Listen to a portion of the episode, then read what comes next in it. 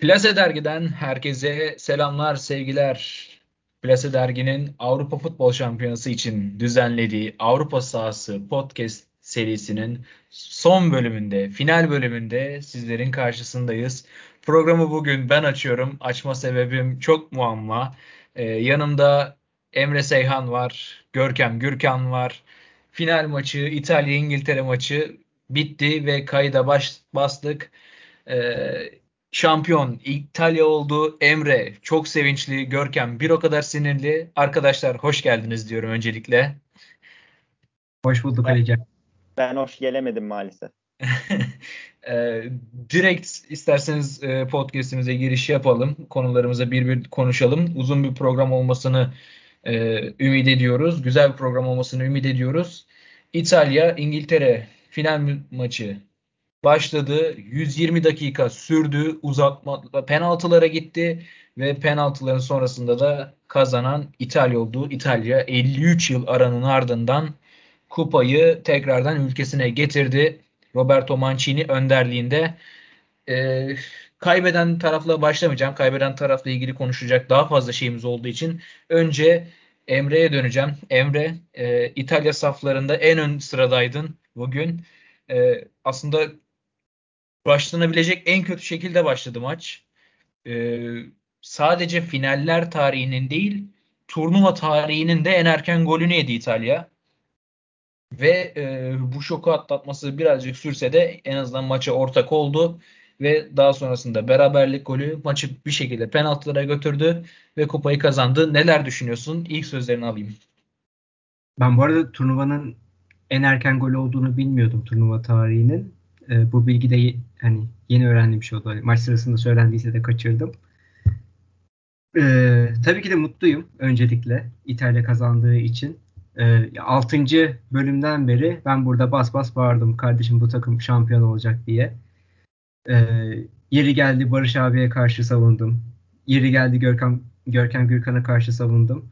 Ki aslında kendisine de bir özür borcumuz var. İngiltere için o kadar e, laf söyledik eleştirilerde bulunduk ama kendileriyle finalde karşılaştık. Olsun bu zaferi daha da tatlılaştırdı benim açımdan. Maça gelecek olursak da ben e, aslına bakarsan Ali Cem hiç yani umudumu kaybetmedim. Bu maçın aslında penaltılara gideceği sabahtan beri e, içime doğmuştu. Benim de. E, ya 1-0 olunca da e, ikinci golü de atamayınca İngiltere hani sürekli kendime e, tamam hani 1-1 olacak bu maç e, şeklinde e, telkinlerde bulundum. E, nitekim öyle de oldu. Biraz serseri mayın diyebileceğimiz bir goldü. Hani top bir anda e, Pickford'un sırtından kaleye de girebilirdi, kornere de çıkabilirdi. Ama top içeriye doğru sekti. Bonucci'nin önüne düştü. Yani şanslı bir goldü. İtalya'ya e, dönecek olursak oyun tarzına Insigne bugün Arap Lawrence gibi oynadı. Yani ya kardeşim İngiliz, İngiliz ajanıysan söyle. Yani en baştan söyle. Yani ben hiç... bir yerde artık bilerek yaptığını düşünmeye başlamıştım yani. Ya Nasıl? İngiltere Premier Lig'e transferi mi var anlamadım. Yani krali, kraliçe mi araya girecek? Sandığımızdan daha fazla uzun süre sahada kaldı bu arada. Yani 91. dakikaya kadar oyundaydı Insigne. E ben ilk yarıda mıydı size yazdım? Hoca çıkar şunu diye. Evet, ilk evet. Kaç dakika sonra mıydı? Ya hani Insigne kalitesinde bir futbolcudan beklemeyeceğimiz kararlar aldı. İşte pas tercihleri olsun, şut tercihleri olsun. Yani top kayıpları bir o kadar rezaletti. Ee, belki Insigne kalitesinin %50'si kadar oynasa İtalya maçı 2-1 de alabilirdi. Yani 1-0'dan geri yani geriden gelip. Ama e, çok şükür ki e, Federico Chiesa gibi bir yetenek var bu kadroda. E, gözlerimizin pasını silen, Insigne'nin yaptığı hataları unutturan. Ee, bir diğer eleştirim de Immobile ve Belotti'ye. Immobile'den bu turnuva boyunca bir patlama bekledik. Geri geldi Roberto Mancini de savundu. E, bu tarz oyuncular en beklenmedik anlarda kilidi açan oyuncular olur diye. Hani ya, bu tarz maçlarda sen hani büyük forvet sen büyüklüğünü konuşturursun. Kesinlikle. Hani kalan Polonya olsa ben %70 %80 ihtimal veriyorum. Lewandowski bir gol atardı. Ya da o beraberlik golünü Lewandowski atardı. Allem edip kallem edip. Evet. Belotti de penaltı için geldi. Ee, 30'lu yaşlarda Belotti galiba. 30'lu olmasa bile 28-29. Evet evet. evet, evet 28-29 civarı. 30 olmaya yakın. Yani Torino'nun simge ismi. Yani tamam Torino'da öyle e, eskisi kadar hani 1960'lardaki kadar büyük bir kulüp değil de yine de köklü bir camia. Ve İtalyan futbolunda da kendini kabul ettirmiş bir isim ama o penaltı da bir rezaletti. Yani zaten penaltıları genel olarak yaptığı da çok belliydi yani. E, gerilen futbolcuların aslında o kadar da soğukkanlı olmadıklarını e, ve kaçırma ihtimallerinin arttığını da işte gördük zaten. Hani Rashford da aynısını yaptı. Evet. Sakla tamam tecrübesiz e, bir kardeşimiz de. E, Belotti'den ben beklemezdim bunu. Ya, Donnarumma'ya da teşekkür ediyorum. Donnarumma evet. hakikaten teşekkür edilesi bir oyundu ya. Yani cidden 3 penaltıyı da kurtarmak e, kolay iş değil. Yani Donnarumma'ya da teşekkür ederim. Yani 21 yaşında ve nereden baksanız kariyerinde 200-300 maç barajını çok daha aşmış bir isim. İnanılmaz bir tecrübe henüz bu yaşında. Ee, bu turnuvanın finaline de damga vurdu. Önümüzdeki turnuvalara ve futbolumuzun yani ilerleyen 10-15 yılında da çok net bir şekilde damga vuracağını gösterdi. İnanılmaz bir performans, penaltı performansından bahsediyorum. Ee, İtalya ile ilgili söyleyeceklerimiz şimdilik bu kadarsa yavaştan da asıl kaybedene doğru döneceğim. Çünkü bu tip final maçlarında daha çok konuşulası konular kaybeden takım üzerinden çıkıyor.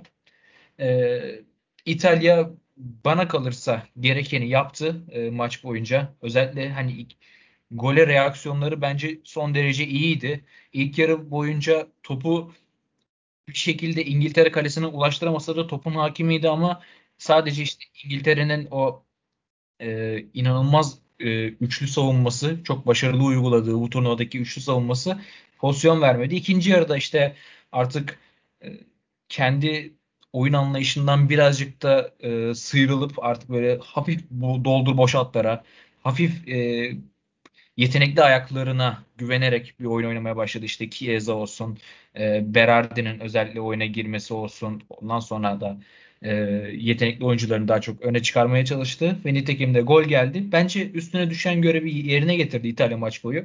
Ama e, aynı şeyi İngiltere için söyleyebilir miyiz bilmiyorum Görkem. Burada birazcık da sana döneceğim. E, kayıttan önce de seninle konuştuk. İnanılmaz coşkulu bir başlangıç. Hiç beklenmedik bir olay. E, sağ kanat bekin ortaya açıyor. Sol kanat bekin arka direkte skoru 1-0 yapıyor. Ve onun ardından ilk yarıyı da iyi kapatıyorsun. Ama bir şekilde İtalya'nın bağıra bağıra gelen ataklarına e, bir önlem alınmadı. E, sadece mantaliteyi devam ettirdiler. Ve birbirden sonra alınan iki oyuncu değişikliği kararı bence burada kilit nokta oldu. Bilmiyorum sen ne düşünüyorsun. İngiltere bu finali neden kaybetti? Penaltılardan bağımsız oyunun geneline bakarsan. Öncelikle tüm konuşmam değişti. Eğer İngiltere şampiyon olsaydı bambaşka bir giriş yapacaktım hem programa hem de konuşmaya.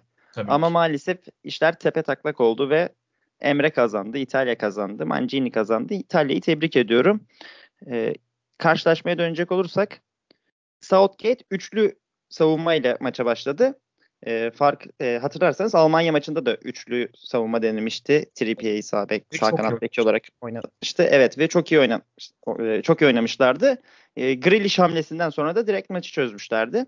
Yani e, zaten 2018 Dünya Kupası'nda ana planı üçlü savunmaydı İngiltere'nin. E, Avrupa Şampiyonası'nda da hedef maçlarda ana plan haline getirilen bir e, B planıydı. Şimdi e, karşılaşmayı da tamamen e, direkt olarak 1-0 önde başladı ve 1-0 önde başlamanın da ötesinde e, hani e, normal şartlarda Saka ön planda Saka 4-2-3-1'in sağ açında oynarken Saka'yı kesip Trippier'i oynattı. Sağ kanat beki getirdi. Sol kanat beki bitirdi. Hatta ve hatta e, sağ stoper Kyle Walker'da inanılmaz bir bindirme yapmıştı. Yani tüm fonksiyonları olağanüstü işledi ve 1-0 öne geçti İngiltere ve İngiltere bir savunma takımı.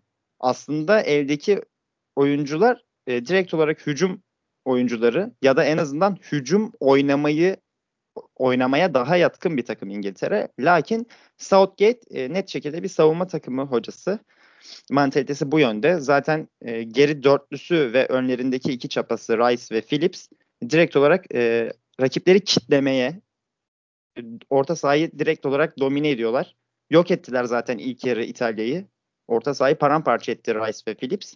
Ama işte e, işler sonradan sarpa sarmaya başladı. E, ne olursa olsun bence İngiltere ilk 90 dakikada e, önde olan taraftı. Yani oyun anlamında. Ancak e, maç uzadıktan sonra da kartlar yeniden dağıtıldı ve oyunu tamamen İtalya domine etti uzatmalarda ve maç penaltılara gitti. E, benim maç öncesi tahminim de açıkçası şu yöndeydi. Size de söylemiştim bunu. Eğer İtalya maçı kazanmak istiyorsa 90 dakikada işi bitirmeli ve direkt olarak sonuca gitmeli. Eğer maç uzarsa veya penaltıya giderse kazanan taraf İngiltere olur. E, lakin tam tersi oldu. 90 dakikada işi bitirebilecek olan taraf İngiltere'ydi. Bitiremedi. E, gün oldu, devran döndü. Uzatmada İbre İtalya'ya kaydı ve İtalya işi penaltılarda bitirdi. Şimdi e, Southgate'in tercihlerine değinmek istiyorum ben. Hocam neden Grealish düşmanlığı yapıyorsun? Neden yaptın? Bunu neden bize yaptın? Bunu neden futbol severlere yaptın? Tüm e, gerçekten. Ya evet kesinlikle. Gerçekten anlam veremiyorum. Hele hele Almanya maçından sonra neden buna devam ettin? Hiç anlam veremiyorum. E, çok mantıksız çünkü. Şimdi e, ana planın savunma olabilir. Ben buna kesinlikle saygı duyuyorum. Çünkü futbol sadece hücumla oynanan bir oyun değil. Gerçekten an, e, anlayışla karşılıyorum. Hani 4-2-3-1 iki ön libero hepsine tamamım ama en azından şöyle de yapabilirdin hocam. E, Rice'da Phillips'i de kesme. Yani ben Henderson'cıyım da e, sağ tarafta Sancho, sol tarafta Sterling, ortada Grealish, ön tarafta Kane. Böyle bir süperstar dörtlüsüne sahipsin.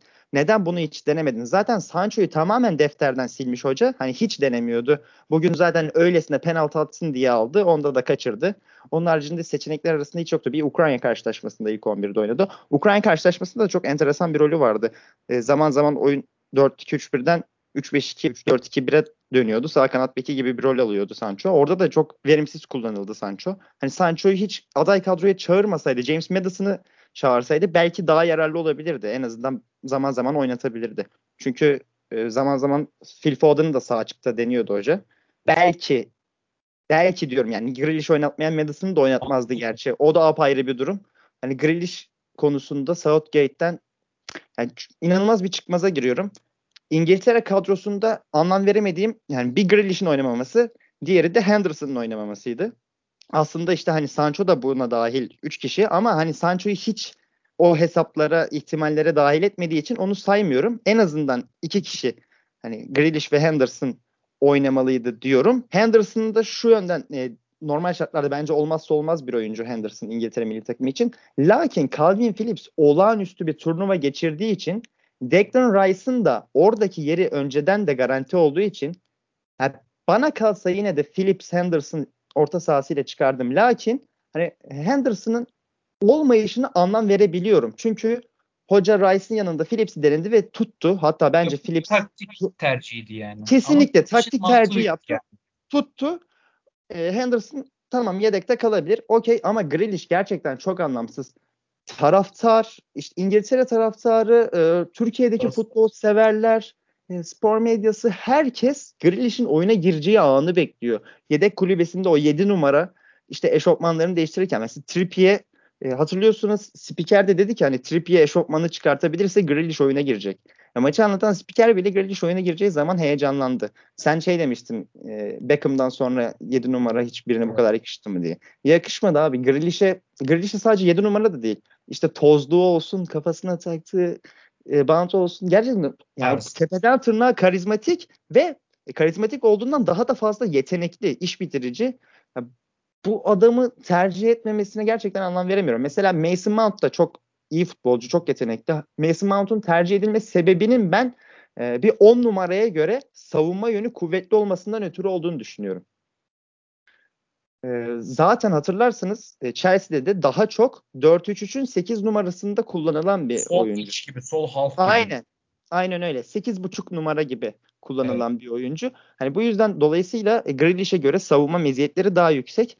Yani orayı tamamen kitleme üzerine bir üçlüden kurduğu için Rice, Phillips ve Mount bu yüzden Grealish'i pek tercih etmedi. E, sol kenar oynatabilirdi. Orada da hakkını Saka'dan yana kullandı. Sterling'i solda sağ tarafta Saka'yı kullandı. Saka normal şartlarda biliyorsunuz ben Avrupa'da Arsenal'lıyım.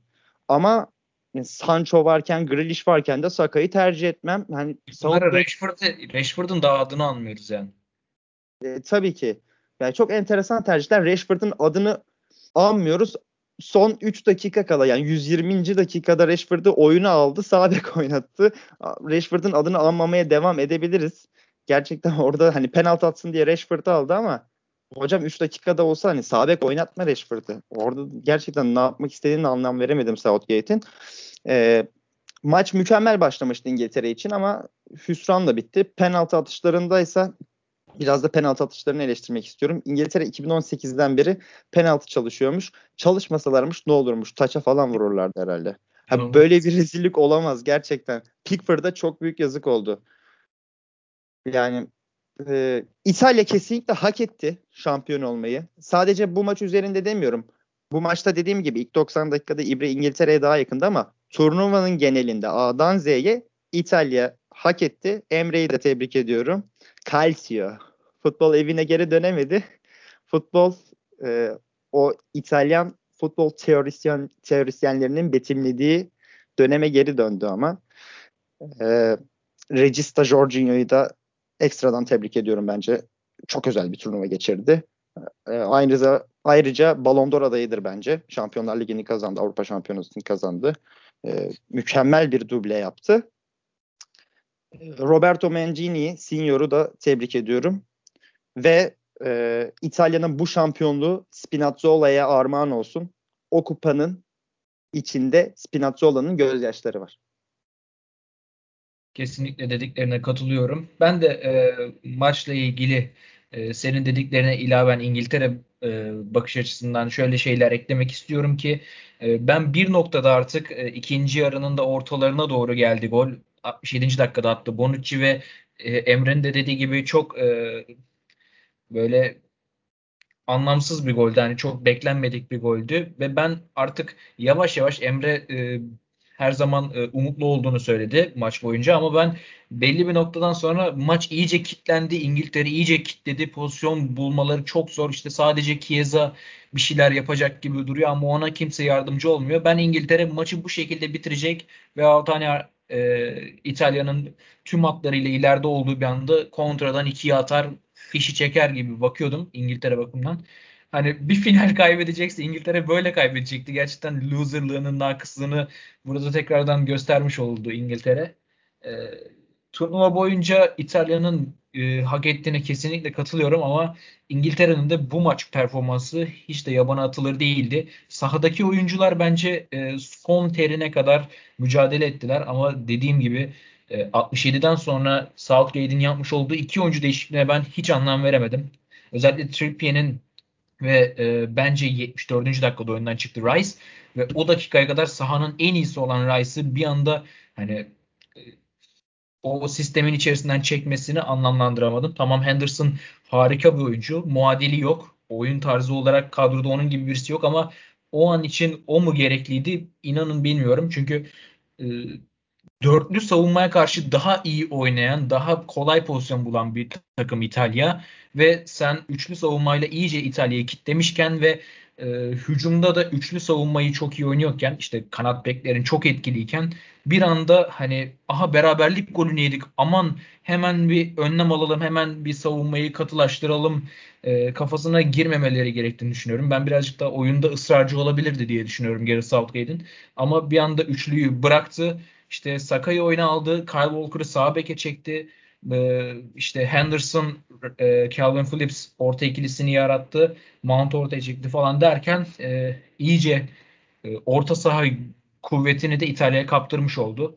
O sırada da hani arka arkaya gelen İtalya oyuncu değişiklikleri işte e, Insigne'nin çok yorulan Insigne'nin oyundan çıkması ki e, onun yerine giren e, Belotti maçın genelinde İtal İngiltere savunmasını çok yordu. Bernardeschi benim beklediğimden çok daha iyi bir performans ortaya koydu Chiesa oyundan çıkarken. işte Locatelli gerekeni yaptı vesaire. Hani Mancini'nin her oyuncu değişiklikleri o kadar iyiyken tam aksine İngiltere'nin oyuncu değişiklikleri o kadar kötüydü. Maçın özellikle bir birden sonra 120 e, dakika sonunda 1-1 bitmesi e, benim açımdan beklenmedik bir olaydı. İtalya maçı kazanabilirdi 120 dakika sonunda diye düşünüyorum ben. Özellikle uzatmalarda çok etkililerdi. Ama nitekim e, bir ölmüşe bir olmuşa çare yok diyoruz. E, Donnarumma'yı ben de bizzat kendim e, tebrik ediyorum buradan. İnanılmaz bir penaltı performansı. Pickford'u da tebrik ediyorum ama kazanan takım olmadığı için e, ona yapacak çok fazla bir şeyimiz yok. Pickford'a da yazık oldu diyelim. E, benim eklemek istediğim bir şey var. Görkem bundan e, ümitlenebilir. E, maç sonrasındaki o hal havır tavırları gördüm İngiltere'li oyuncularda ve bu kadro çok genç bir kadro. Tamam Harry Kane belli bir yaşa geldi ama e, sistemin ana parçaları hala da e, en az iki turnuva, üç turnuva daha görebilecek düzeydeler. Ve e, o yaştalar diyeyim.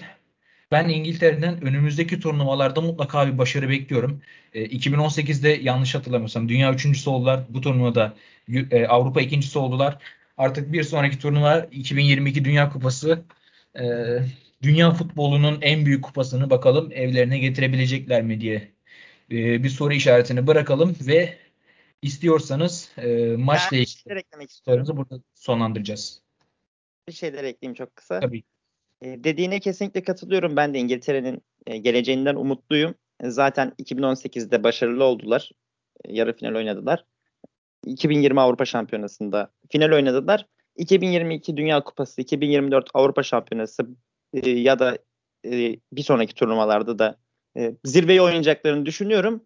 Ve şöyle de bir şey var. Abi bazı şeyler olmalı artık. Hani İngiltere şu an basamak basamak o merdivenleri çıkıyor. En zirveye de geldi ama o son adımı atamadı. O son adımı atmak zorunda artık. Bazı şeyler neden olmalı? Mesela Liverpool 30 yıl şampiyon olamıyor. Olmalı artık Liverpool şampiyon. İşte e, Phoenix Suns NBA'de şampiyon olamıyor. Olmalı artık. Konferans finalini almalı artık ne bileyim e, Messi Arjantin'le kupa kazanamıyor. Kazanmalı artık. Copa Amerika'yı almalı. Aldı. İşte İngiltere sen de onu alacaksın artık. Yani bugün o 90 dakikada bu işi bitirecektin. Hele dakika 2'de inanılmaz derecede bilenmiş gibi başladın. Sonunu bir şekilde getirmeliydin. Neden getiremedin? Çünkü winner takım değilsin işte. Olacaksın artık. Ve e, son olarak da şunu eklemek istiyorum. İtalya'nın şampiyonluğunun bence e, en kilit hamlelerinden ikisi biri kesinlikle Chiesa'yı Berardi'nin yerine monte etmesi. Diğeri de sağ bekte Florenzi ve e, Toloy deneniyordu başlarda. Oraya Di Lorenzo'yu monte etti hoca. Yani sağ kanatta iki değişiklik yaptı. Berardi, Bernardeschi zaman zaman deneniyordu. Sağ kanatta Di Lorenzo ve Chiesa'yı ekledi. Direkt olarak bütün sistem bambaşka bir şekilde işlemeye başladı. Artı Verratti döndü ki Locatelli mükemmel performans sergiliyordu ama Verratti bambaşka bir oyuncu. Ve bu e, çok önemli iki hamlede İtalya'yı şampiyonluğa uzattı. Evet, e, İngiltere için de şunu söyleyebiliriz herhalde. Kaybede kaybede kazanmayı öğrenecekler. E, ama e, ben İngiltere için güzel günlerin yakında olduğunu düşünüyorum. Ben yani yine İngiltere benim... için güzel günlerin yakında olduğunu düşünüyorum ama İngiltere biraz şöyle kaybede kaybede daha güzel kaybetmeyi öğreniyor. Benim e, bu turnuva için e, İngiltere'ye karşı takınmış olduğum tavır birazcık da böyle turnuva yöneticilerinin e, İngiltere'ye karşı olan tutumlarından e, dolayıydı. İşte yarı finaldeki bütün maçların Wembley'de oynanması, finalin Wembley'de oynanması, İngiltere'nin kendi ülke topraklarından hiç dışarı çıkmaması neredeyse e, işte örnek Danimarka maçındaki skandal penaltı. Yani bizim grubumuzdaki İsviçre'yi düşünün ki yani ilk maçını İtalya'da oynuyor. Sonra Azerbaycan'a gidiyor. Ta, pardon tam tersi. Ee, Azerbaycan'da turnuvayı açıyor İsviçre. Sonra gidiyor İtalya'ya. İtalya'da bir maç daha oynuyor ve ardından hemen sonra tekrardan Azerbaycan'a dönüyor. Bunu İsviçre bu kadar e, yoğun bir e, yol temposu çekerken İngiltere kendi turnu kendi ülkesinden hiç çıkmadı neredeyse. E, eklemek istediklerim varsa Emre. Yani evet. Cefer'in de zaten e, bu sabah buna dair bir açıklama yapmış. 11 şehirde oldu. Hani e, turnuva platini döneminde 11 şehre yayıldı. 12 şehirdi normalde de sonrasında pandemi sebepleri yüzünden e, 11'e indi. Cefer'in de bu sistemi aslında savunuyordu. Bu sabah da Cefer'in Yani iki yıl önce savunduğu bu sistemi eleştirdi. Hani haksızlık yaptık. Hani ben bunu kabul ediyorum. Bir daha böyle bir şeye girişmeyeceğiz dedi. E, çünkü senin de dediğin gibi İsviçre yani belki de doğu batı e, olarak değerlendirdiğimizde en uzun yolu kat eden takımlardan biri. Bakü'de başka oynayan e, şu an aklıma gelmedi. Belki Danimarka. E, Türkiye var işte. Yani Türkiye'de vardı evet. Ama İngiltere yani Londra, Roma, Londra. Ki bugün e, yani. zaten UEFA resmi hesabıydı galiba ya da TRT e, Spor muydu? İşte İngiltere Londra'ya geldi, giriş yaptı e, şeklinde bir paylaşım yapmışlar. Yani içinden ulan ne zaman çıktılar ki dedim. Yesin geldi. Yani, yani biz seninle bunu daha önceki programda da konuşmuştuk. Hani bu turnuva e, tamamen İngiltere'de düzenlense işte 60. E, yıl dönümü saçmalıkları bir kenara bırakılıp tamam biz bu turnuvayı İngiltere'de yapıyoruz. İşte Manchester'da oynanacak maç, işte Merseyside'da oynanacak, Londra'da oynanacak falan dense e, daha az tepki çekerdi. Hani tüm Avrupa'da oynanan bir turnuva bir, bir takımın sadece kendi ülkesinde maç yapması burada birazcık antipati topladı İngiltere üstünde. Halbuki İngiltere yani kadro olarak baktın mı bir insanın bir insan evladının en çok benimseyeceği en çok seveceği futbolcular topluluğu yani. Harry Kane dediğimiz adamlar, Marcus Rashford, Sancho bunlar futbolu güzelleştiren adamlar. Ama işte burada yöneticilerin takılmış olduğu tavır e, bu oyuncular üzerinde bir antipati topladı, e, toplattı diyeyim. E, ben İngiltere için yani sözlerimi birazcık tekrarlıyor gibi oluyorum ama e, önümüzdeki yıllarda daha sempatik ve daha göze hoş gelen bir futbolda daha iyi şeyler yapacağını inanıyorum, güveniyorum diyeyim. Abi bir de İngiltere'nin dikkat etmesi gereken bir konu da şu. 2018 Dünya Kupası'nda da Avrupa Şampiyonası'nda da turnuva ağacı daha kolay olan taraftı. Mesela e, İtalya, evet. İspanya'yı, Belçika'yı falan eledi. Ama İngiltere'nin rakipleri nitekim underdog takımlardı. 2018'de de bu durum böyleydi. Hırvatistan'a elenmişti yarı finalde de mesela. E, da, adımların daha sağlam atmaya dikkat etmeli ve e, son olarak ben size bir soru sormak istiyorum. Hani konu hakkında bilginiz, fikriniz var mı bilmiyorum. Benim böyle anksiyetemi arttıran bir durum. 2014 Dünya Kupası Brezilya'da oynanıyor. Brezilya-Almanya karşılaşması var ama scoreboard'da Almanya-Brezilya olarak geçiyor. Turnuva ağacında da Almanya-Brezilya olarak geçiyor. Ee, Euro 2020 açılış maçı Türkiye-İtalya Roma'da oynanıyor. İtalya ev sahibi ama İtalya Türkiye değil Türkiye İtalya olarak geçiyor. Bugün Wembley'de oynanıyor final. İtalya, İngiltere, İtalya ama İtalya İngiltere olarak geçiyor.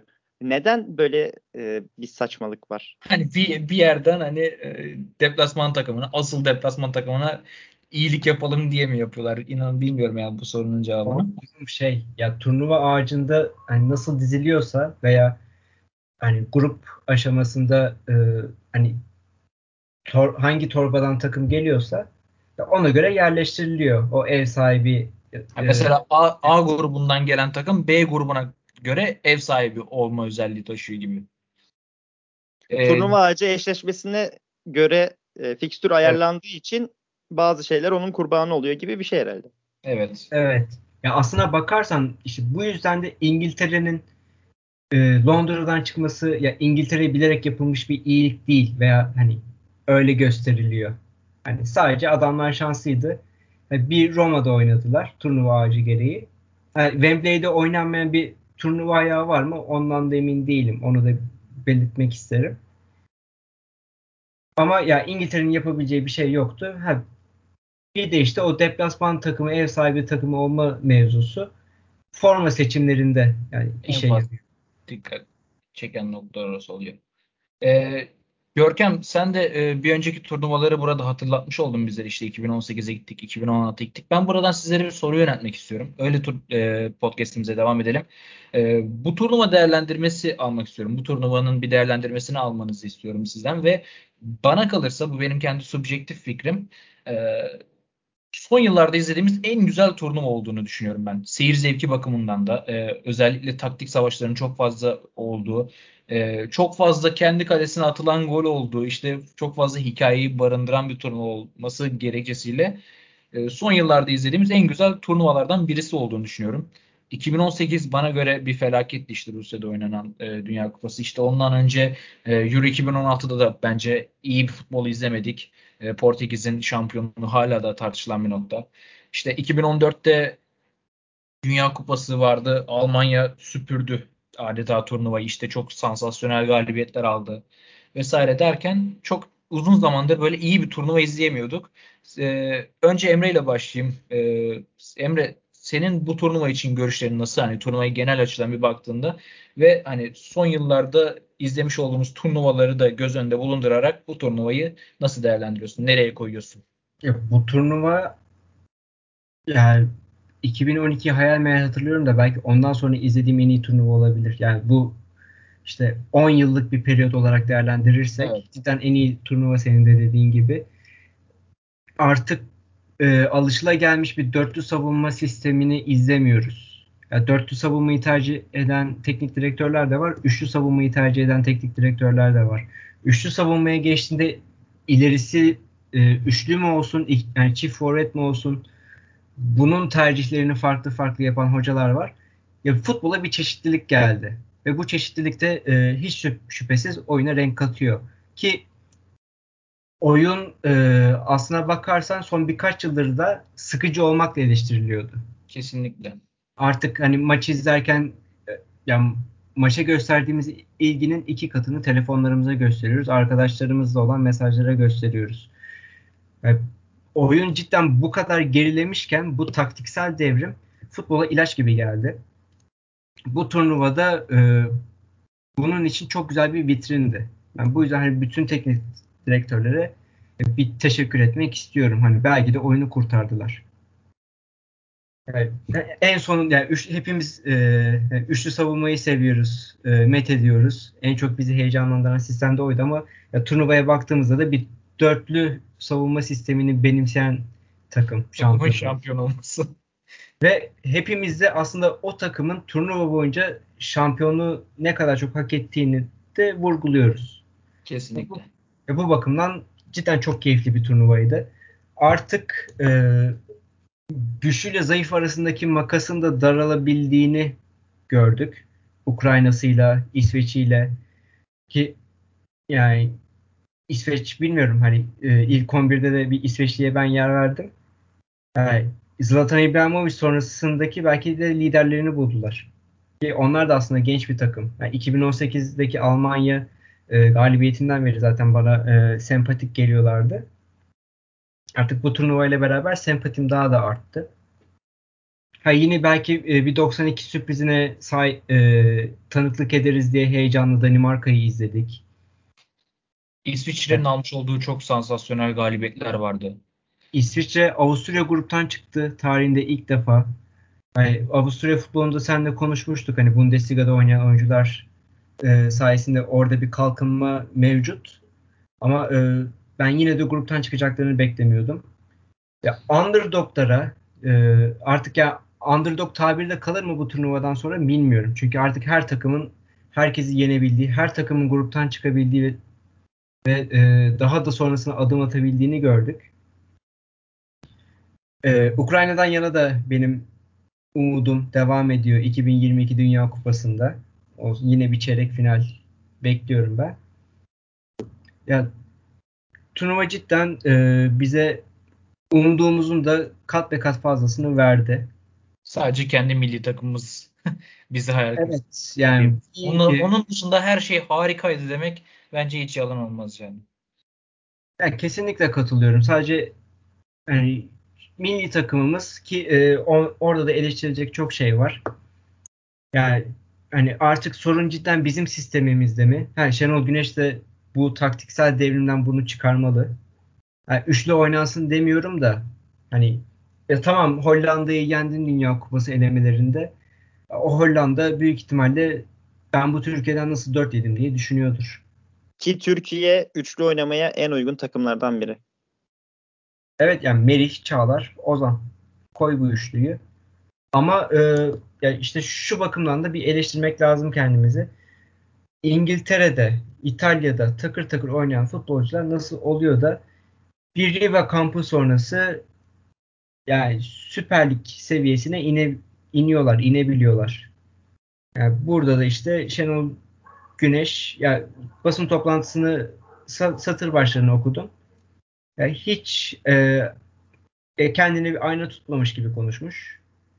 Yani özel işleri Suçu bize de atmış. Suçu bizi de atmış. Mesela herkes bu işten sorumlu gibi açıklamalarda açıklamalarda da bulunmuştu. Ben bunu kesinlikle katılmıyorum. Bizim de suçumuz var abi. Siz çalışmıyorsunuz ya da doğru çalışmıyorsunuz, düzgün çalışmıyorsunuz ama suçu bize atıyorsunuz. Ne bileyim müsilaj falan oluyor işte Marmara Denizi'nde. Halk sorumlu oluyor falan. Ben böyle şeylere kesinlikle katılmıyorum abi. Besyo okumadığım için Şenol Güneş'ten özür diliyorum. ne diyebilirim? Ya da ben de eski futbolcu olmadığım için özür diliyorum. Ee, ya o antrenman metotlarına bir bakmamız gerekiyor. Ya bu devrimi yakalamamız gerekiyor ki bu turnuvalarda hayal yaşamayalım da dünya futboluna bir an önce ayak uydurmamız lazım.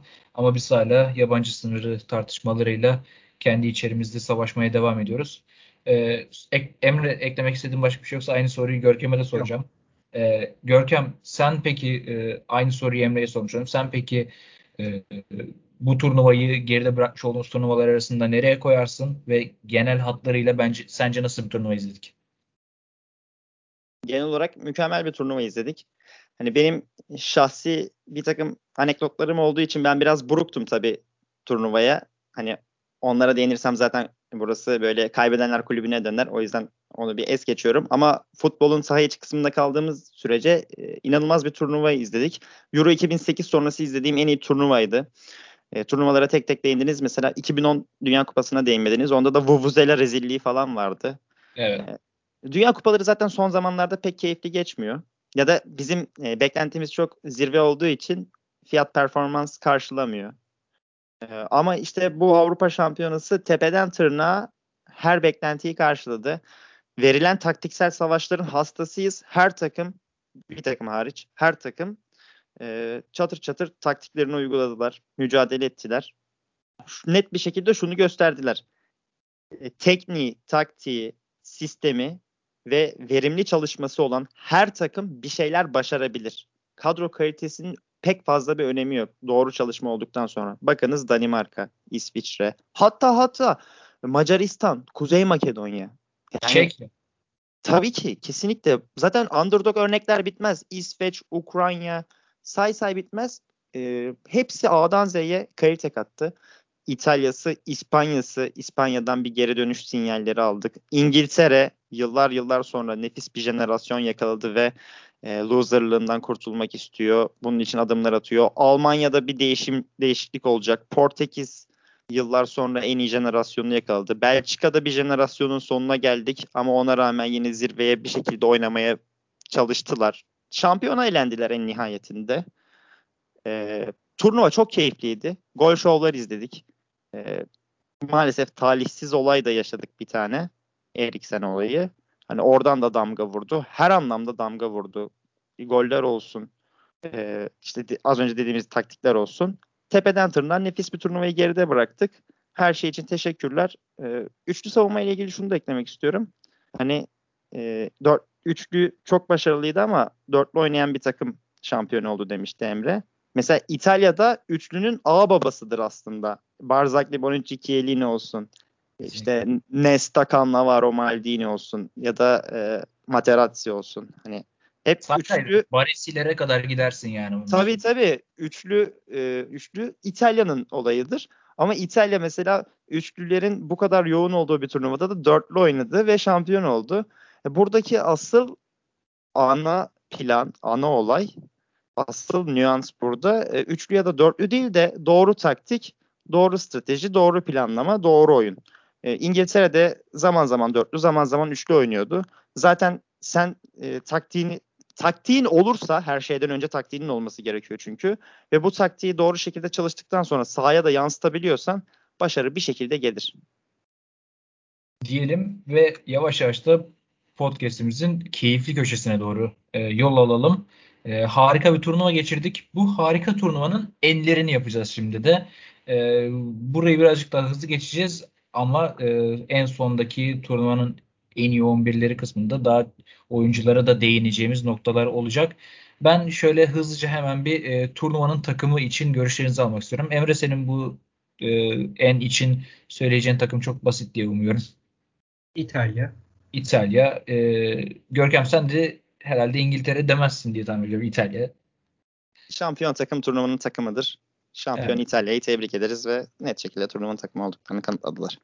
Evet. Zaten e, geride bıraktığımız süreç boyunca da İtalya'nın bu turnuvayı ne kadar çok hak ettiğini defalarca kere e, anlattık. E, turnuvanın oyuncusuna geçeceğiz burada da. Bura, buradan itibaren artık subjektif fikirler daha fazla ön plana çıkacak. Emre senin açından turnuvanın oyuncusu kimdi? Ya Federico Chiesa son grup maçında takıma monte Roberto Mancini ve o maçtan sonra ya üstüne koya koya ilerledi. Avusturya maçında kilidi açan oyuncu oldu. Yarı finalde yine kilidi açan oyuncu oldu. Inzaghi. Ya bugün de ben kendisinden bir gol bekliyordum açıkçası ama ya sakatlanıp oyundan çıktı. O dakikaya kadar da cidden sahada varın yoğunu ortaya koyan e, ya tek demeyeyim de en çok ortaya koyan oydu. Yani ve cidden kendisinden de gelecek adına umutluyum. Görkem senin için turnuvanın oyuncusu kim? İmzayı. ee, şaka bir yana bence Jorginho. Az önce de hani Ballon d'Or adayı dedim kendisi için. Bence turnuvanın oyuncusu oldu. Evet. Ee, bana kalırsa da hani sizin dediğinizin aksine hani farklı bir şey söylemek için ben de Donnarumma diyeyim o zaman. Yani çünkü inanılmaz bir final performansı ve e, gruplarda hiç gol yememesi e, vesaire vesaire derken hani bugün de getirmiş olduğu e, kupayla beraber Eylül 2018'den bu yana yenilmeyen İtalya'nın serisini devam ettirdi. E, henüz çok genç ve hani önümüzdeki yıllara damga vuracak bir isim. Şimdiden adını büyük turnuvalarda altın haklarla yazdırmaya başardı diyeyim. E, turnuvanın hocası bölümüne geçtik. Turnuvanın hocası da herhalde hepimiz için aynı isimdir diye tahmin ediyorum. Roberto Mancini. Kesinlikle. Roberto Mancini. Ee, özellikle ben Roberto Mancini için şöyle bir şey eklemek istiyorum. Ee, çok iyi bir Galatasaraylı olarak e, kendisine inanılmaz büyük bir hayranlığım vardı zamanında. Bugün de kazanmış olduğu kupadan dolayı çok mutluyum. Ee, ayrıca şöyle bir şey eklemek istiyorum ki hani burada dedik ya e, üçlünün ağa babası İtalya'dır.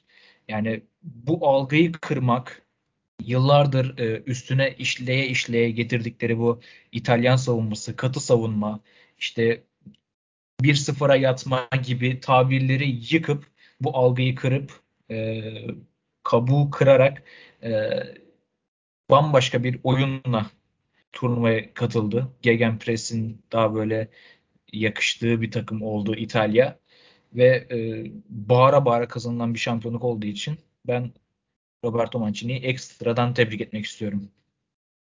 Ya, yani, ya, takım olmuş bir İtalya vardı. Cidden hani her sabah ben çiğ et yiyip de sahaya çıktıklarını kesinlikle, düşünüyorum. Cidden kesinlikle. o istekle, o arzuyla oynayan bir İtalya vardı ki 2018 Dünya Kupası'na katılamadıktan sonra bir ülkeyi, bir kadroyu kalkındırmak çok zordur ki bunu jenerasyon geçişiyle yapmak daha da zordur diye düşünüyorum ben. Ee, jenerasyon geçişini sistem değişikliğine uyarlayarak yapmak çok çok daha zordur. Bu e, sistemi oyunculara adapte etmek, oyunculara inandırmak, her şeyden öte ülkeye inandırmak çok ayrı bir meziyetti. E, o yüzden ekstra tebrik edilmesi gerekiyor. Kesinlikle bir de e, Sirigu'yu bile oynatmış bir hoca. Yani evet. ben bir turnuvaya katıldım ve oynamamak nasıl bir duygudur iyi biliyorum. Ya bunu benim oyuncularım yaşamasını istemedim diyerek e, hani takım kendisinin de takımın bir parçası olduğunu hissettirdi oyuncular. Belki de ya, ya zaten ekstra bir oyuncu gibi. Demiştin. Hani burada hani turnuvayı istemek önemlidir, kimya önemlidir diye sen de çok kez belirttin bunu. Ben en başından beri İtalya'nın bunu yakaladığını düşünüyordum. Hoca bunu kanıtladı. Takım Spinazzola'ya e, yaptığı tezahüratlarla bunu kanıtladı. Ve ya cidden Mancini'yi ben tebrik ederim. Çok e, kaliteli insanlardan oluşan bir kadro kurmuş kendine. Futbolculuğundan ziyade insanlığından emin olduğu oyunculara şans vermiş. Cidden, bir asker aslında. Kim Mancini de çok karakterlidir. Galatasaray'daki ayrılış sürecini hatırlıyorsanız ne demek istediğimi anlarsınız. Bir de ben şöyle bir ek yapmak istiyorum. E, jenerasyon geçişi, sistem geçişi dediniz. E, ayrıca ek olarak gen de değiştirdi İtalya ile birlikte Mancini. Savunma futbolundan hücum futboluna geçiş yaptı. Çok ciddi bir devrim yaptı. Gerçekten e, çok önemli olaylar bunlar. E, Mancini ile benim e, burukluğum maalesef Galatasaray döneminden vardı. Ha, hocam buradan seni bir eleştireyim. Neden Ceyhun Gülselam ve Felipe Melo ikilisini ön libero oynattın? Bu benim Mancini ile ilgili kanayan yaramdır. Gerçekten skandal bir Galatasaray dönemi vardı. Neyse ki onları e, bu şekilde güzel futbollarla, güzel oyunlarla e, geçmişte bırakıyoruz. Hocam yoksa ben size hala çok soğuğum. Diyelim ve e, yavaştan diğer enimize doğru geçiş yapalım. Turnuvanın parlayan yıldızı, turnuvanın en çok parlayan yıldızı kimdi? Burada baz alacağımız isimler e, futbol dünyasının önde gelen isimlerinden çok bu turnuvayla beraber adını sanını duyurmuş isimler olacak. Emre senin için turnuvanın parlayan yıldızı kimdi? Abi ben program öncesi buna Patrik Şik derim diye düşünüyordum da e şimdi Spinazzola'nın adını alınca da biraz daha Spinazzola'ya doğru kaydım. Hı hı. Yani e, Patrick Schick'e belki beklenmedik sürprizde yer verebilirim. Çünkü ya, gol atması bile benim için büyük bir sürpriz. Ki gol kralı tamam. O yüzden ya Spinazzola biraz daha burun farkıyla şey öne çıkıyor. Yani bir Roma taraftar olarak sezon boyunca izledim. İşte hiç böyle bir oyununu görmemiştim. Yani buna tadı etmemiştim. İtalya formasını sırtına geçirince Mancini'nin sisteminde bambaşka bir şeye dönüştü. Ee, ya Dumfries vesaire de var. Yani onları da çok övdük de ya hani foto finishle Spinazzola diyorum. Görkem senin için turnuvanın parlayan yıldızı kimdi? Chiesa.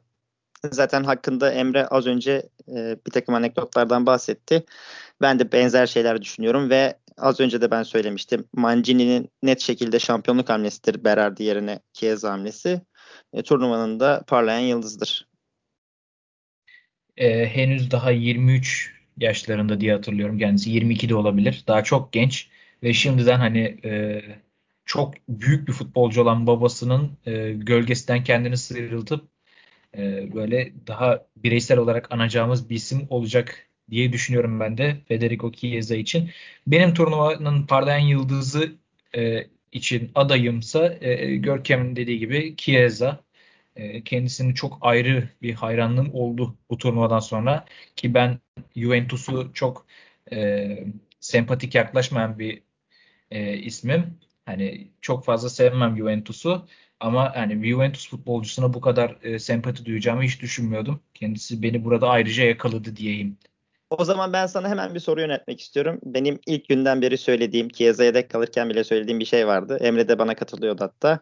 Chiesa Berardi'den daha iyi futbolcu diyordum ben. Sen Berardi daha iyi diyordun. Şu anda evet. aynı görüşte misin? Şu an ne düşünüyorsun?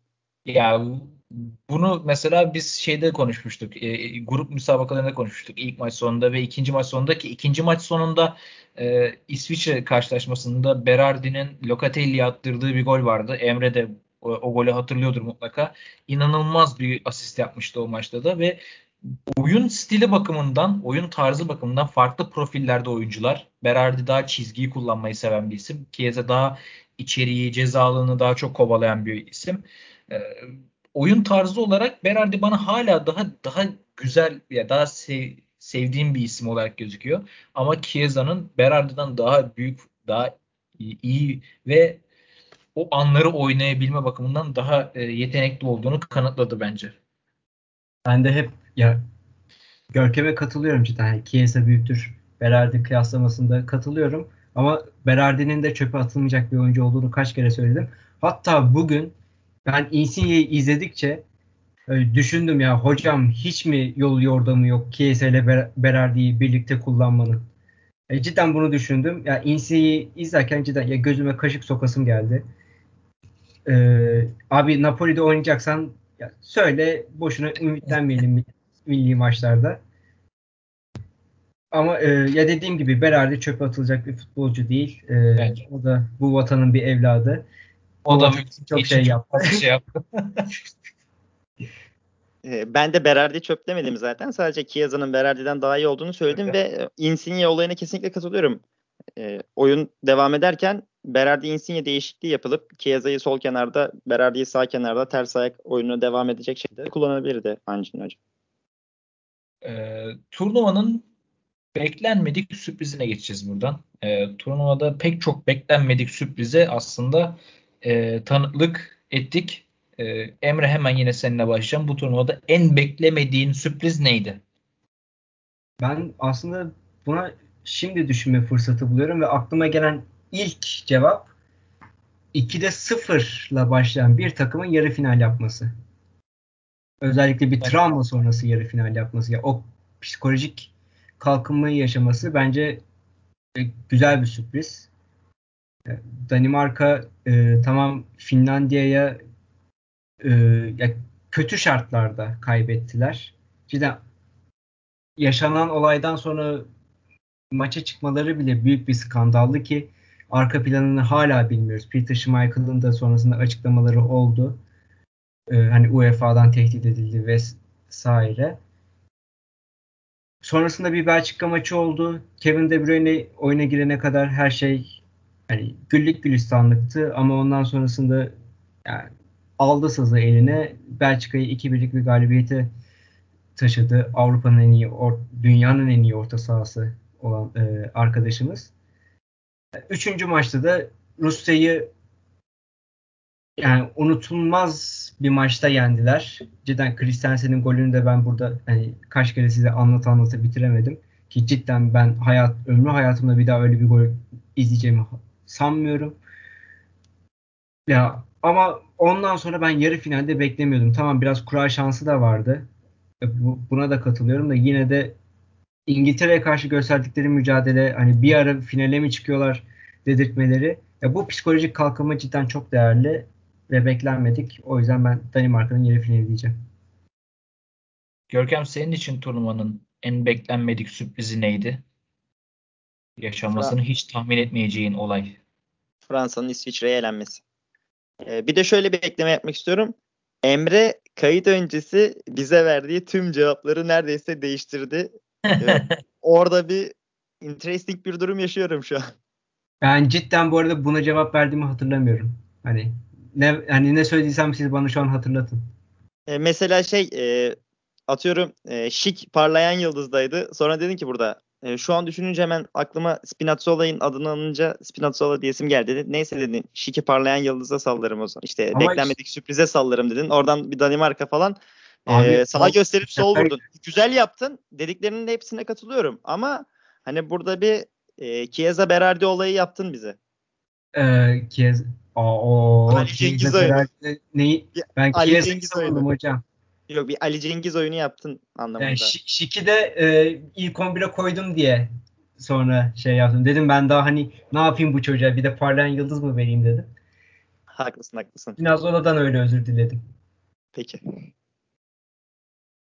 Ee, o zaman turnuvanın hayal kırıklığı kısmına geçeceğim buradan Senin da. sürprizin ne? Senin sürprizin ne alacağım? Benim sürprizim de aslına bakarsan seninle aynı. Ben tur, e, Fransa'nın çok daha farklı e, bir turnuva geçireceğini düşünüyordum ama kendileri elenebil, elenilebilecek en güzel şekilde eğlendikleri için de çok fazla üstünde durmayacağım bir konu oldu. Özellikle hani Mbappe'nin penaltı kaçırarak e, turnuvaya veda etmeleri güzel bir hikaye oldu İsviçre adına. E, diyelim ve turnuvanın hayal kırıklığına geçelim. Aslında turnuvanın hayal kırıklığı üzerine ayrı ayrı podcast serisi yapılır. O yüzden e, çok da fazla bunun üzerinde durmamı, durmamız gerektiğini düşünmüyorum ben. E, Türkiye'nin turnuvada sıfır çekmesi, 24 takım arasında sonuncu olması ki e, turnuva öncesinde, turnuva başlamadan önce sürpriz takım e, olarak sınıflandırılan e, Danimarka'nın yerine olmasını beklediği çoğu otoritenin e, Danimarka'nın yerine yarı finalde Türkiye'yi beklerken turnuvada son sırada yer alması benim için turnuvanın en büyük hayal kırıklığı. Bilmiyorum sizin başka ekleyebileceğiniz başka bir şey var mı? Yok kesinlikle katılıyorum ben. Hep birazdan Türkiye diye bağırmalık bir soru. Evet. Diyelim ve turnuvanın olayı diyelim. Aslında turnuvanın olayı da e, hepimizin e, üzülerek izlediği ve yüreklerimizin ağzına geldiği bir olay seçeriz diye tahmin ediyorum ben de. E, çünkü sadece e, o olayın yaşanmasının haricinde kendisini bir daha yeşil sahalarda göremeyecek olmasının vermiş olduğu üzüntü de hepimizi kapladı diye düşünüyorum. Eriksen'in Finlandiya maçında kalp krizi geçirerek yerde kalması ve futbol hayatının çok trajik bir olayla sonlanması hepimiz için turnuvanın olayıdır diye tahmin ediyorum. Bilmem ekleyebileceğiniz başka bir şey var mı? Ya bu turnuva Eriksen'le hatırlanacak da biraz da hani ben pozitivizm, yani pozitivizm katayım programa. Yani bu soruya en azından. Abi e, dolu tribünleri özlemişiz. Kesinlikle. Kesinlikle. Yani, e, böyle bir pozitivizm katayım ben de e, bu bir, soruya. Hani nereden baksan kadar bir da ne, hani negatif olmayalım. Bir buçuk evet. yılın ardından tekrardan dolu tribünler. Wembley'in özellikle 90 bin kişilik Wembley'in bugün 89 bin İngilizle sarılması özlenilecek bir noktaymış yani gerçekten. Gol olduktan sonra gol sesinin e, çıkması, spikerin duyulmaması falan bunlar e, hatırlanması tekrardan güzel olan olaylar. Ben de şöyle ekleme yapayım. Hani sorunun cevabı tabii ki Eriksen ama Emre'nin pozitifliğinden gidecek olursak da e, şunu ekleyeyim ben de. İtalya free kullanırken Insigne topun başına geçiyor ve e, Insigne barajın önüne ya da yanına bir baraj daha kurdurtuyor İtalya takımı olarak. Hani bu çok enteresan bir olay mı? Kalecinin görüş açısını kapatıyor ama hani daha önce pek görmüşlüğüm yok benim. Hatta e, şu an düşününce bir bakışta hiç görmedim daha önce. Hani e, hele özellikle barajın önüne kurulduğu zaman ekstra bir baraj topa vurma açın daha da düşüyor, daha da zorlaştırıyorsun. Ama sürekli bunu denedi İta- İtalya ve Insigne. Çok enteresan bir olaydı bence. Ben bunu şeyde görmüştüm. Emre daha iyi hatırlar tabii. E, 2004 veya 2005 yıllarında e, Pierre, Pierre Van Hooydonk e, bir, bir maç e, evet, içerisinde... Van Hooydonk'u ben de hatırlıyorum. Şu an yani, ben de hatırladım. Kaleci, kaleci e, arkadaşlarına baraj kurdurtmadı. Pierre Van Hooydonk 9-15'e kendi oyuncularını dizdi ve o frikikte gol oldu yanlış hatırlamıyorsam. Evet doğru. Bir orada görmüştüm. Şimdi yeni yeni e, görmeye başladık bunu da. Ben bu turnuvada birkaç kişi de daha gördüm onu. E, yanlış hatırlamıyorsam bir İspanya maçında da daha görmüştüm. Bu yani çok fazla şey katıldı bu turnuvada ya. Yani literatüre çok fazla şey sokuldu. Bence net. Yani normalde baraj arasına hani böyle sarkmaya çalışan birkaç İtalyan oyuncusu görürüz ya mesela Insigne evet. yani barajı bozmaya çalışan. Ya bu yasaklandıktan sonra artık takımlar böyle e, barajın altına yatan oyuncu olsun. Aynen onu olsun. onu görmeye başladık. Yani artık e, ya takımlar da işte kendi barajını kurmaya başladı. Ama e, ya bu işin de atası Aziz Pierre'dir. Onu da anmış olduk. Evet. Diyelim ve e, turnuvanın en iyi 11'lerine geçelim. Üçümüz de ayrı ayrı 11'ler kurduk. E, ben ve Görkem burada e, kadro olarak e, birbirine yakın kadrolar kursak da Emre'den inanılmaz bir kadro gördüm ben. E, hemen yavaş yavaş o 11'lere doğru geçeceğim. Görkem seninle başlamak istiyorum. Kalende Somer var. Savunma dörtlüğün Joachim Male, Simon Kayer, Giorgio Chiellini ve Spinazzola. Orta üçlün Calvin Phillips, Jorginho, Barella. İleri üçlünde Chiesa, Patrick Schick ve Sterling. Neye istinaden böyle bir 11 kurduğunu da hani bunu e, olumsuz bir görüş olarak alma. Ben senin kadronun çoğunluğuna katılıyorum. E, güzel bir 11 yapmışsın. Bu arada e, şöyle bir e, hatırlatma da yapalım. E, ben ve Emre e, üçlü savunmalar kurarken sadece Görkem dörtlü savunmayla bir 11 çıkardı. E, Görkem kendi 11'inle ilgili görüşlerini almak istiyorum. 4-3-3 registalı bir sistem yaptım diziliş olarak. E zaten e, açıkçası şunu da söyleyeyim. Jorginho'nun olduğu herhangi bir şablonda e, kesinlikle registalı bir şablon olması gerekiyor. Çünkü evet. Jorginho başka bir opsiyonda değerlendirilmemeli bence. Onun haricinde e, eğer finali İngiltere kazansaydı bambaşka bir kadro kuracaktım. Ama İtalya kazanınca o kadroyu bambaşka bir hale getirdim. Kalede Jan Sommer'i koydum. E, Sommer bence çok başarılı bir turnuva geçirdi ve e, turnuva öncesinde de benim çok beğendiğim bir kaleciydi. e, genel olarak turnuvaya damgasını vurdu Sommer. E, sağ bekte zaten çok fazla aday aday vardı. İşte az önce Emre değindi mesela Dumfries olsun, e, Kyle Walker olsun. Mahalleden yana kullandım. Atalantalı futbolcular damga vurdu turnuvaya. E, mahallede Danimarka zaten yarı finalist. E, Danimarka'dan birilerini koymak lazımdı oraya. Şart kesinlikle. E, aynı şekilde Simon Kea e, saha içinin yanı sıra saha dışında da inanılmaz işler başardığı için Simon Kea da net şekilde turnuvaya damgasını vurdu ve ben onu o yüzden altın karmamı aldım. Şampiyon Chiellini ve şampiyon Spinazzola bunları hakkında konuşmaya pek fazla gerek yok zaten. E, Spinazzola'nın gözyaşlarına armağan olsun benim bu sol bekte onu seçmemde. Orta sahada Calvin Phillips İngiltere'nin e, en çok göze batan oyuncusuydu. Calvin Phillips'in ilk 11 oynaması ilk maçta mesela inanılmaz bir şok etkisi yapmıştı bende. Muhtemelen e, tüm kamuoyunda da yapmıştır. Hani ne işi var Calvin Phillips'in dedirtti herkese. Ama sonrasında öyle bir performans sergiledi ki turnuvanın orta saha oyuncularından biri oldu. Net şekilde damga vurdu. Jorginho zaten Ballon d'Or adayı. Ee, en azından benim için öyle. Barella net şekilde damga vurdu. O Türkiye maçından başladı. Finale kadar getirdi. E, yanında Jorginho da oynasa, Locatelli de oynasa, Verratti de oynasa performansında hiç azalma olmadı. Hep üstüne koydu. E, net şekilde turnuvanın parlayan yıldızlarından biri oldu. Ön tarafta Chiesa zaten e, o kritik şampiyonluk değişikliği, kritik hamle şampiyonluğu getiren hamle oldu. Yani Chiesa net şekilde turnuvanın en iyi sağ açığı oldu diyebiliriz. Solda Sterling İngiltere'nin tüm hücum yükünü çeken futbolcuydu. Hani Sterling hakkında belki çok fazla gol atmadı, çok fazla asist yapmadı gibi söylemler kullanılabilir. Lakin e, o istatistikten ziyade e, verim açısından çok yararlıydı. İngiltere'nin hücumdaki en önemli kozuydu. İngiltere iyi şekilde savunma yaptıktan sonra direkt olarak gözleri Sterling'i arıyor. Çünkü Sterling'in inanılmaz bir dribbling yeteneği var ve Sterling'in o patlama gücünden çok kez faydalandılar. Zaten muhtemelen yani bu takımda Sterling'e bir şey olsaydı Southgate'in de tüm planları çöpe giderdi.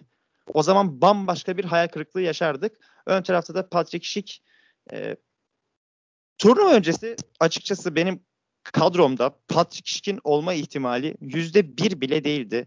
Hatta ve hatta hani e, Santrforum'da Patrick Schick, sol bekimde Spinazzola'yı görseydim e, derdim ki yani nerede Sinan Meki var toplamışız bu nasıl bir kadro derdim ama turnuvada bambaşka şeyler oldu. Patrick Schick bence kendi kariyerinin zirve performansını sergiledi bu turnuvada. E, hani tamam şampiyon takımın forveti Immobile, ne bileyim rakibi finalist Harry Kane çok özel yıldızlar bunlar ki Immobile bence hiç iyi performans veremedi. Kane de hani kendi standartlarının altında olsa da zaman zaman üzerine düşeni yaptı ama e, hem Çekya'dan hem de Şike bu hakkı teslim etmek gerekiyor diye düşünüyorum. Bu yüzden Santrfor'da Şike'ye verdim. Ben de senin kadrona çoğunlukla katılıyorum. Yani dediklerinde herhangi bir anlam hatası vesaire hiç görmedim. Ve e, genel hakları itibariyle de güzel bir 11 olduğunu düşünüyorum. Ben e, burada şimdi e, kendi kadromu açıklayacağım. En son Emre'yi sakladım. E, ben kadromda Sommer'e yer verdim. E, Sommer'i üçümüz de e, kalemize aldık.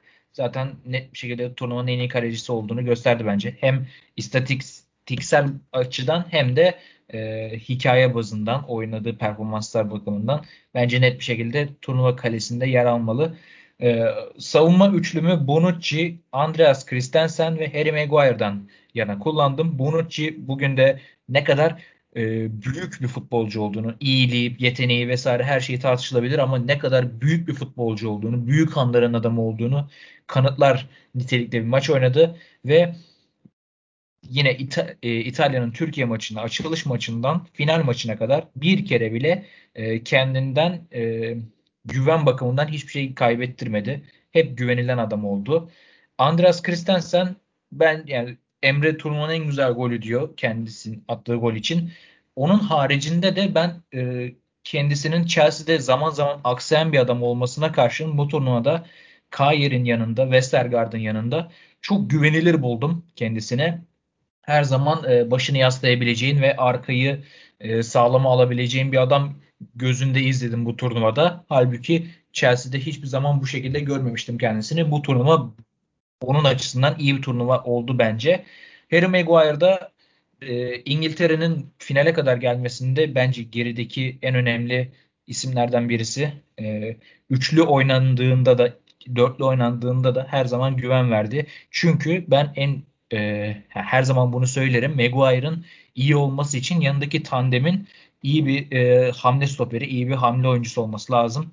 Manchester United'da Lindelöf olduğu zaman Maguire tam yeteneklerini sahaya yansıtamıyor ama Stones gibi e, kaliteli bir e, hamle stoperi olduğunda, hızlı bir kaliteli bir hamle stoperi olduğunda ne kadar yetenekli, ne kadar ayağının iyi ve ne kadar da e, önemli anların adamı olduğunu bu turnuvada gösterdi bence.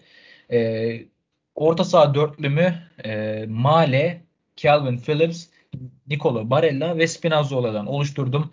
Bu turnuvada çokça kez üçlü savunmayı övdük. Üçlü savunma önümüzdeki yıllara damga vuracak dedik. Ben de o yüzden böyle bir 11 çıkarttım. Joachim Male e, Görkem'in de dediği gibi Atalantalı oyuncular arasında parlayan isimlerden birisi oldu. E, Calvin Phillips benim de turnuva öncesinde Calvin Phillips bu turnuvada en iyi 11'e girer denildiğinde karşı çıkacağım isimlerden birisiydi. Hatta İngiltere'nin 11'inde bile e, şans vermediğim bir isimdi ama önce İngiltere'nin kadrosuna sonra da benim kadroma girmeyi başardı. Kendisini de tebrik edelim. Barella inanılmaz bir box to box oyuncusu. Yani benim son yıllarda izlediğim 10 yıla baktığımızda en heyecanlandıran isimlerden birisi Nicola Barella. Üstüne, üstüne koya koya da devam edeceğini düşünüyorum. Spinazzola e, yani sakatlanmasaydı şu anda bambaşka bir hayat onu bekliyor olabilirdi. E, çok e, büyük bir takıma transferi konuşuluyor olabilirdi. Ama işte yaşanılan talihsiz sakatlık. Ee, bakalım Mourinho'nun elinde nasıl bir şey dönüşecek. Ben kendisini ayrı bir gözle takip edeceğim bundan sonraki e, yaşantısında, futbol kariyerinde diyeyim ve ileriye geçeyim. İleride de Chiesa, Patrick Schick ve Sterling var. E, Görkem'in hücum hattıyla benim hücum hattım aynı. Görkem'in dediği her şeye birebir katılıyorum. Chiesa e, çok büyük bir futbolcu olduğunu, çok e, önemli bir isim olduğunu, hücum aksiyonlarında İtalya'nın başı çeken isimlerden birisi olduğunu kanıtladı. Sterling de kesinlikle Görkem'e katılıyorum. İnanılmaz bir dribbling yeteneği var. Yani ceza sahasına doğru e, hızını alarak gelen, topu sürerek gelen bir Sterling'den daha tehlikeli bence çok az şey var bir futbol sahasında. E, en ufak bir darbenizde kendisini e, bırakarak penaltıyı aldırabiliyor ya da çok önemli bir yerden serbest vuruş kazanabiliyorsunuz. Onun haricinde zaten içeri girerse gol vuruşunu yapmak için çokça kez fırsat bulabiliyor kendisine.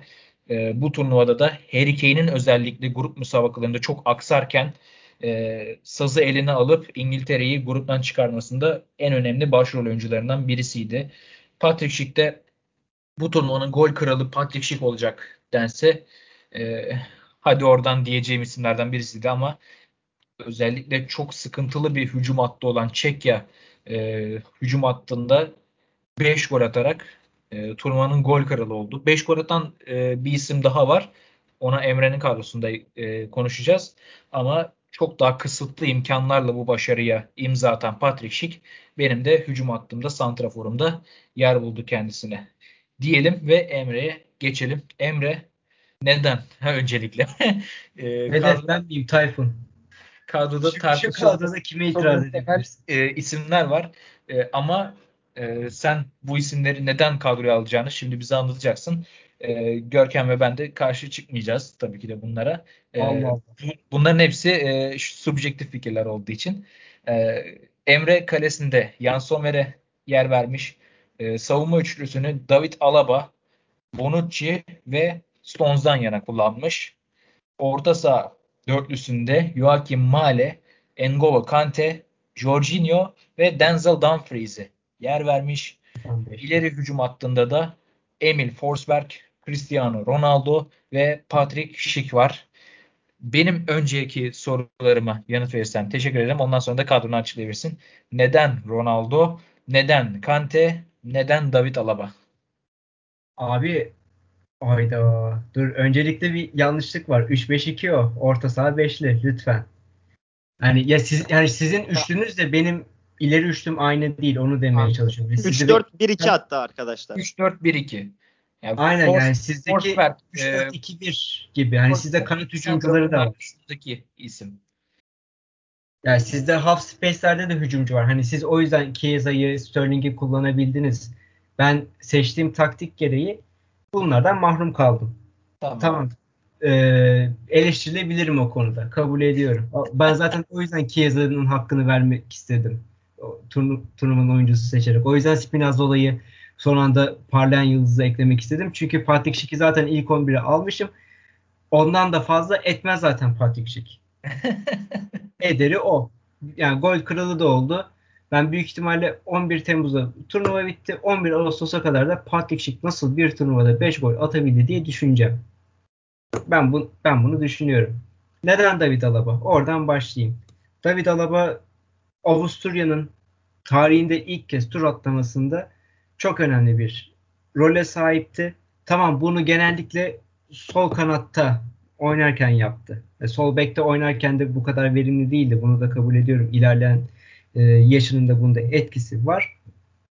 E, stoper oynadığı bir maç var. Onu da kaybettiler diye hatırlıyorum. Ama ben Alaba'ya bu kadroda yer vermek istedim. Yer verebileceğim tek yerde stoper mevkisiydi. Yok efendim. Sol stoper. Aynen sol stoperdi. Yedeklerimde de mesela yerine Kea'yı sildim. Hani ya Alaba hani ya Kea'yı sildiğim için de zaten içim kan ağlıyor. Ama Alaba'ya değinmek istedim. Bir de e, bir hani her ülkeden birer oyuncu seçmek istedim ya da gözüme çarpan her ülkeden bir oyuncu seçmek istedim. Sadece şampiyon İtalya'dan iki oyuncu olması lazım. Yalnız saymadıysam. Ee, Jorginho ve Bonucci aynen. Evet. Neden Kante? Kante e, mevzusu da şu. Dört maçlık e, bir macera yaşadı Fransa. Pardon. Dört mü beş mi? Evet, dört. E, ya o dört maçta da e, kötü olmayan tek Fransız Kante'ydi benim için. Tamam hani e, öyle skora katkısı e, vesaire çok kısıtlı bir oyuncu ama e, cidden o dört maçta da benim için yani varını yoğunu ortaya koyan tek Fransız oydu. Ve e, ya başka orta sahalar da aklıma geldi. Hoiberg geldi mesela.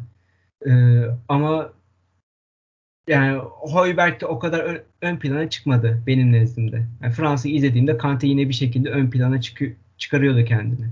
Özellikle Pogba ile olduğu o e, kurduğu o ikili ilişki orta sahada cidden Fransa için e, önemli bir silahtı. Yani ilerleyemediler. Penaltılarda şanssız bir şekilde. Ya tırnak içinde şanssız. Yani Sommer'i küçümsemek istemiyorum burada. Eğlendiler. Öteki soru ki, neydi? Cristiano Ronaldo. Cristiano Ronaldo.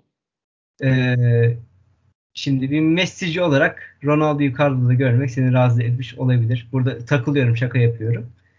Ama e, Ronaldo bu turnuvada Platini'nin e, ya Platini ile beraber Avrupa Futbol Şampiyonası'nın en golcü ismiydi.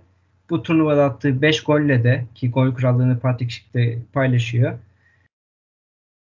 E, play, yani o rekora artık e, tek başına sahip. Bir de e, Ali Daly miydi? Daly Ali İranlı.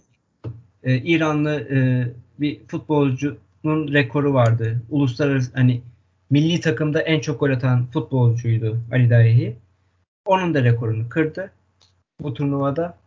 E, o yüzden ya Ronaldo için unutulmaz bir turnuva. Ha, Ronaldo yerine Benzema'yı da alabilirdim. E, Görkem Gürkan e, muhalifliğini yine sessiz bir şekilde yapıyor. Eyvallah çekiyorum sadece. Şampiyonluğu kaybetmenin verdiği acıyla fazla üstüne gitmiyorum. Evet, yani diyeceklerim bu kadar. Hani Dumfries'i niye almayayım? Hani çıktı aslanlar gibi oynadı. Meyle Danimarka'yı sırtında taşıyan oyunculardan biri. Ee, hani bunlara bir muhalefetiniz yok da. Ha, John Stones'a bir muhalifliğiniz vardı sizin. Yani ben Harry Maguire'ı daha ön planda görüyordum kendisinde nazaran. Ukrayna'ya gol attı diye mi? Ukrayna'ya gol atmasının yanı sıra yani daha güvenilir ve topu yani zaten e, negatif futbol oynayan İngiltere e, savunma hattı ve İngiltere'nin genel oyununda topu ileriye taşıma konusunda her zaman bir numaralı adam olduğu için Maguire'ı daha ön plana koydum Stones yerine. Yani Stones'a da çok fazla e, karşı çıkmam yani. Ben karşı çıktığım oyuncular sadece Alaba, Kante ve Ronaldo'ydu.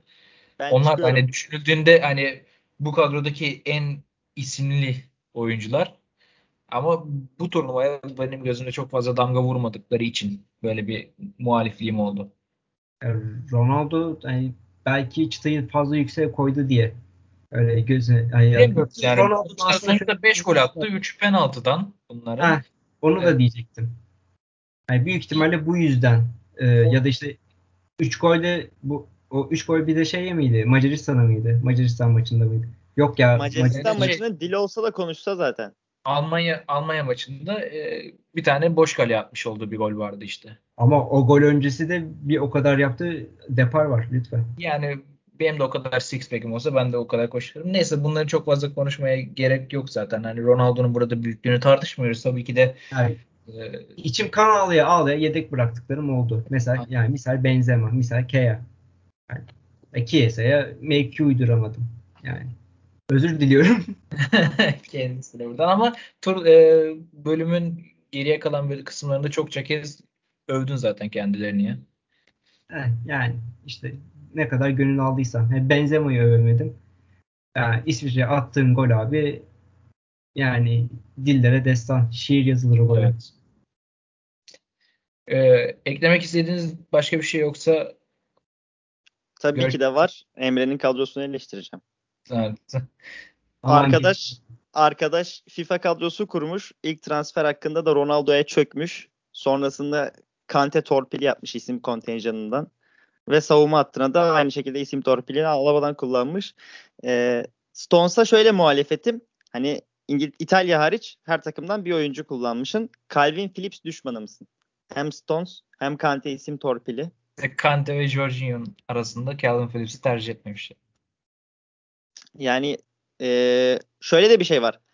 Emre'nin kurduğu kadroyu FIFA'da kursak hani üçümüzün kadrosunda FIFA'da kursak Emre'nin kadrosu bizi içeride 3 dışarıda 2 atar tokatlar getirir. O apayrı bir şey ama hani turnuva bazlı bakıldığı zaman e, bizim Ali Cem'le kurduğumuz kadro daha böyle turnuvayı akla getiriyor ama Emre'ninki biraz isim kontenjanına, isim torpiline takılmış bir kadro ve lütfen e, az önce bana laf çarpıttın. Calvin Phillips ve İngiltere düşmanlığını bırak. Lütfen. ee, tabii 65 yıl oldu galiba. Başladı yine. 55 yıl oldu. Pardon. Ben burada lütfen arkadaşlar yapmayın diyerek diyorum. ee, yani, o, yavaştan da bir aksilik olmasa bari. Evet bir aksilik olmasa bari diyerek. Yani, o 32. gün programının sonunda çekeceğiz galiba. Ee, ee, ya Calvin Phillips yok Ukrayna eler. Değil. Yok İsveç eler İngiltere'yi. Yok bir tane underdog takıma elenir. Hocam diye, diye. ben daha bir şey Ama öz, özrünü diledim. Özrünü dilediğin için özrünü dilediğin için üstüne gelmiyorum ve ben de tebrik ettim zaten seni. Ee, şampiyon İtalya'yı kutluyoruz. Şampiyon Arjantin'i de kutluyoruz. Copa Amerika'da Arjantin şampiyon oldu. Messi sonunda kupasına kavuştu. Ben bir Brezilyalı olarak, bir sambacı olarak, aynı zamanda Messi'ci olarak orada çok enteresan anekdotlarım var. Ee, Arjantin şampiyon olmasına sevindim. Normalde Arjantin'i hiç sevmem ama Messi'den ötürü Arjantin şampiyon olmasına sevindim. Ee, şampiyon Arjantin'i kutluyoruz.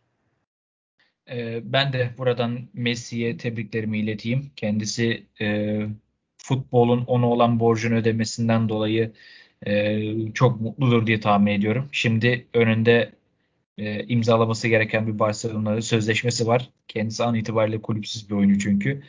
E, üç büyüklerimizden de kendisiyle görüşmeleri için tavsiyelerde bulunuyorum. Diyeyim ve yavaştan da programımızın sonuna doğru gelelim. E, bir ay boyunca burada turnuvayı değerlendirdik. Emre ile beraber, Görkem'le beraber, Barış abiyle beraber çok güzel bölümler çektik. Turnuva başlamadan önce turnuvayı geçmişini şöyle bir e, taradık. Geçmiş turnuvaları gözden geçirdik. 60. yıla özel Plase Dergi olarak böyle bir podcast serisinin e, içinde olmak istedik. Ve şimdi de final bölümünde e, artık kapanışı yapmak durumundayım ben de. Arkadaşlar son bir sözleriniz yoksa e, Avrupa sahasını bitiriyoruz. Emre son eklemek istediğin.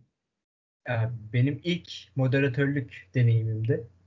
Yani ne kadar becer, becerebildim tartışılır.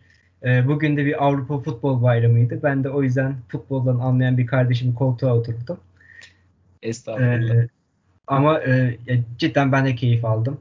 Bana bu e, fırsatı sunanlara, Plase Dergi ailesine, bu teklifi sunan Görkem Gürkan'a, e, deneyimlerini aktaran Barış abiye, bilgilerini aktaran Barış abiye ve e, seninle yaptığımız o hoş sohbetler için e, sana teşekkür ediyorum Alice. Diyeceklerim bu kadar. Görkem senin eklemek istediğin bir şeyler varsa.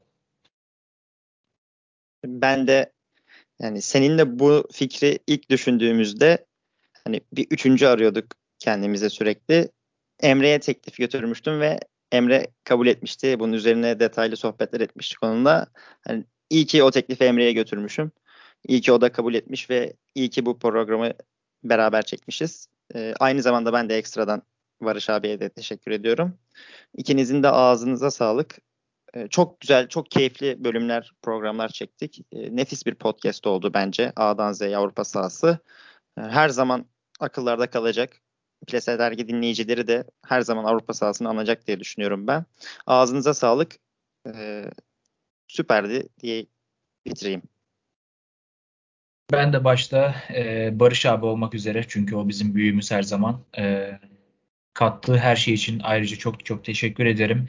E, Emre'ye ve Görkem'e e, bana eşlik ettikleri için turnuva boyunca çok teşekkür ediyorum. E, Plase Dergi'nin Avrupa Sahası podcastinden bugünlük ve e, sonsuza kadar elveda. Kendinize çok iyi bakın. Plase dergiyle kalın. Biz yine burada olacağız. Hoşçakalın. Hoşçakalın. Hoşçakalın.